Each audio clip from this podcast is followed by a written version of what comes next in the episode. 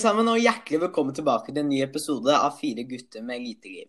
I dag skal vi snakke om utdanning og arbeidsliv under koronapandemien.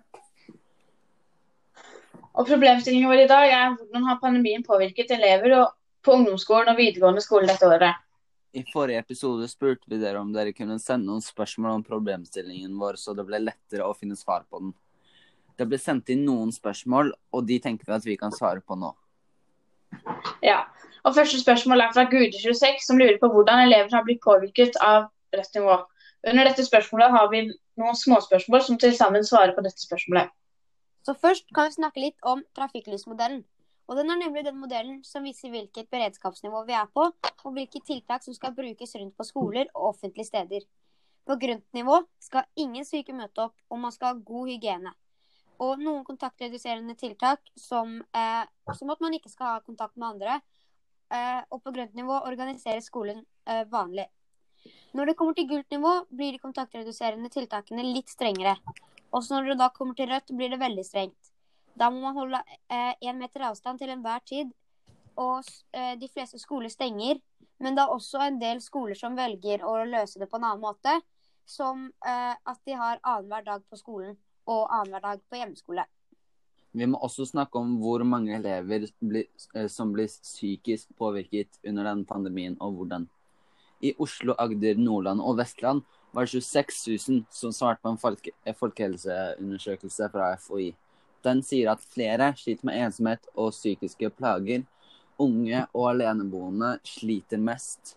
Blant studenter er én av tre ensomme. Én av fire er ikke fornøyd med livet. Den psykiske belastningen er størst i Bergen og Oslo, hvor smitteverntiltakene har vært mest omfattende. Framtidsoptimismen er likevel høy, særlig blant unge. Vi må også snakke om elevers karakterer eh, kan bli dårligere pga. stengte skoler. Nå. Dette spørsmålet fikk vi av korona er dritt 04. I 2019 var gjennomsnittskarakteren av alle elever på ungdomsskolen i Norge 3,2. I 2020 var gjennomsnittskarakteren av alle elever på ungdomsskolen i Norge eh, 3,9.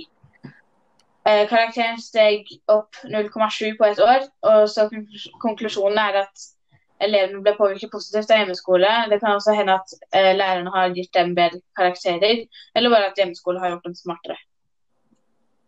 Vi må også snakke om lærer man best av å være hjemme eller på skolen.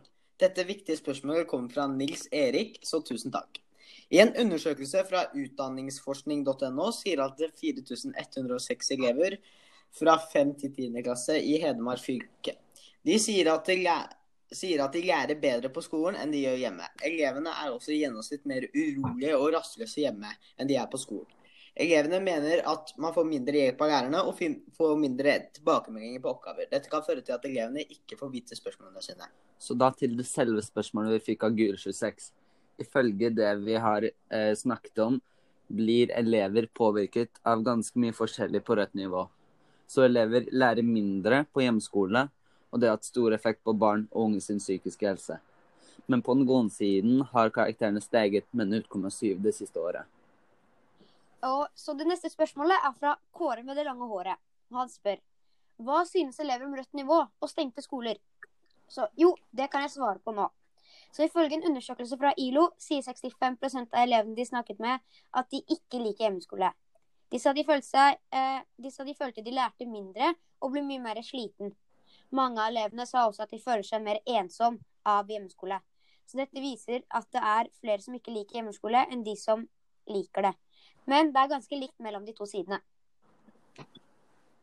Vi har fått et nytt spørsmål av en anonym person som spør om hvordan russen blir påvirket under pandemien i 2020. Svaret på det spørsmålet er at russen ble påvirket fordi de ikke fikk ha russefeiringer som de hadde planlagt.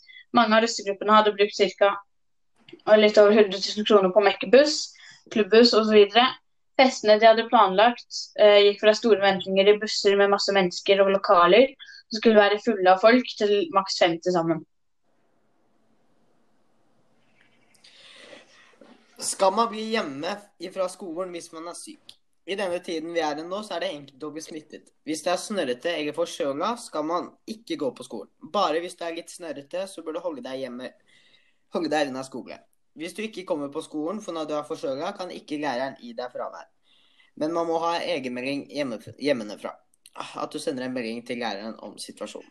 Og så til det store spørsmålet, nemlig problemstillingen. Problemstillingen er hvordan har pandemien påvirket elever på ungdomsskolen og videregående eh, dette året. Så dette er et veldig stort spørsmål, og det er vanskelig å få med alt, men jeg skal prøve så godt jeg kan.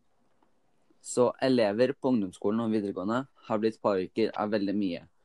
Av at de ikke har fått nok læring som de egentlig skulle ha fått. Eh, de har ikke fått den normale skolehverdagen, og de har sittet foran en skjerm og jobbet eh, istedenfor foran klassen. Og det er jo sånn eh, de blir påvirket fordi ungdommer må være eh, sosiale og ha det gøy, og ikke sitte hjemme og være deprimert. Som vi sa tidligere, er det også stor effekt på elevers psykiske helse. M mange sier at eh, de føler seg ensomme og mye mer slitne enn det de vanligvis ville vært. Men det er også positive påvirkninger. Noen eh, påvirkninger noen føler at de, er, eh, de får gjort mer skolearbeid, men de har et bedre klass, eh, at de har bedre klassemiljø fordi det, det er færre folk i klassen.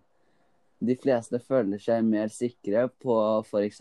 snakke høyt foran klassen, og de føler at læreren har mer kontakt med dem. Så det var det vi hadde for i dag. Vi har fått snakket mye om mye forskjellig og funnet et godt svar på dagens problemstilling. Jeg føler at vi har hatt en veldig fin episode i dag. Eller hva syns dere? Veldig bra.